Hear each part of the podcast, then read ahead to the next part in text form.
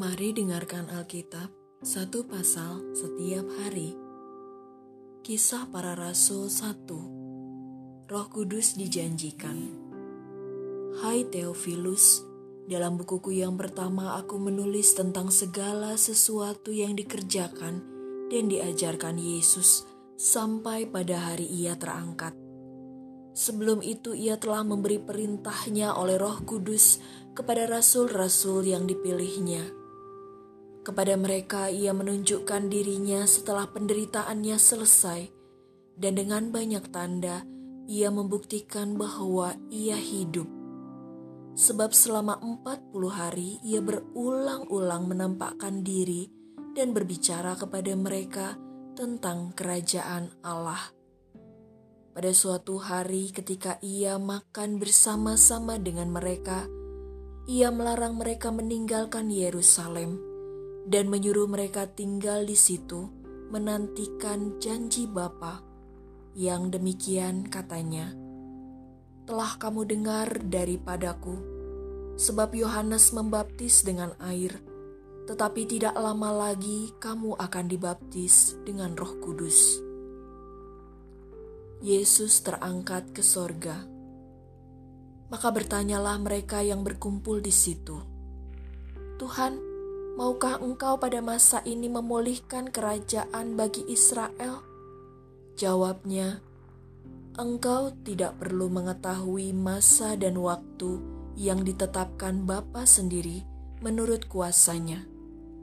Tetapi kamu akan menerima kuasa kalau roh kudus turun ke atas kamu, dan kamu akan menjadi saksiku di Yerusalem dan di seluruh Yudea dan Samaria dan sampai ke ujung bumi.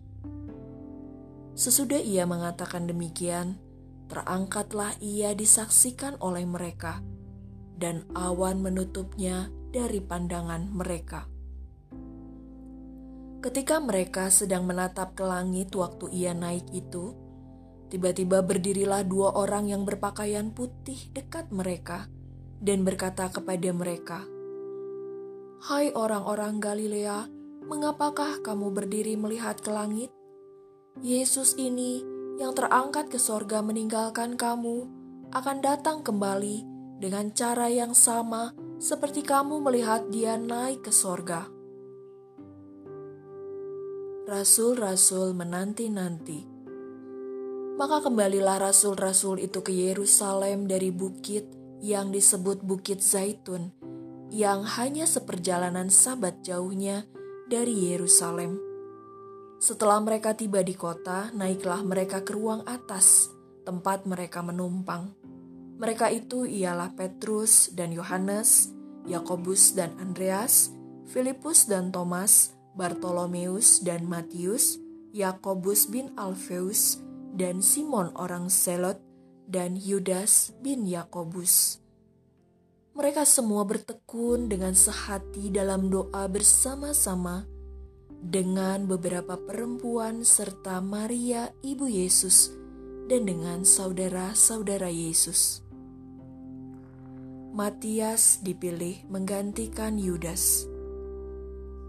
Pada hari-hari itu berdirilah Petrus di tengah-tengah saudara-saudara yang sedang berkumpul itu, kira-kira 120 orang banyaknya, lalu berkata, Hai saudara-saudara, haruslah genap nas kitab suci yang disampaikan Roh Kudus dengan perantaraan Daud tentang Yudas, pemimpin orang-orang yang menangkap Yesus itu.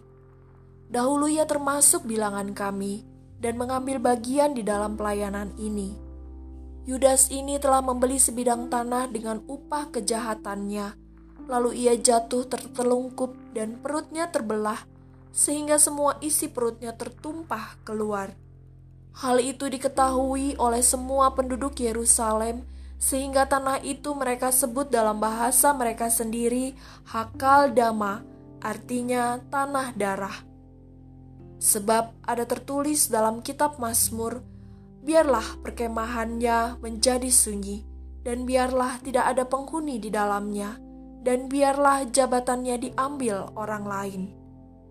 Jadi harus ditambahkan kepada kami seorang dari mereka yang senantiasa datang berkumpul dengan kami selama Tuhan Yesus bersama-sama dengan kami, yaitu mulai dari baptisan Yohanes sampai hari Yesus terangkat ke sorga meninggalkan kami untuk menjadi saksi dengan kami tentang kebangkitannya.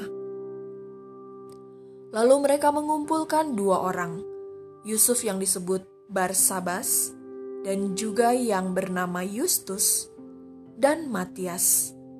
Mereka semua berdoa dan berkata, "Ya Tuhan, Engkaulah yang mengenal hati semua orang.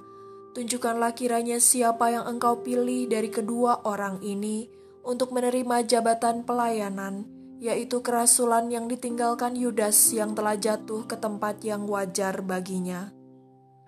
Lalu mereka membuang undi bagi kedua orang itu dan yang kena undi adalah Matias. Dan dengan demikian, ia ditambahkan kepada bilangan ke-11 rasul itu. Terima kasih sudah mendengarkan. Tuhan Yesus memberkati.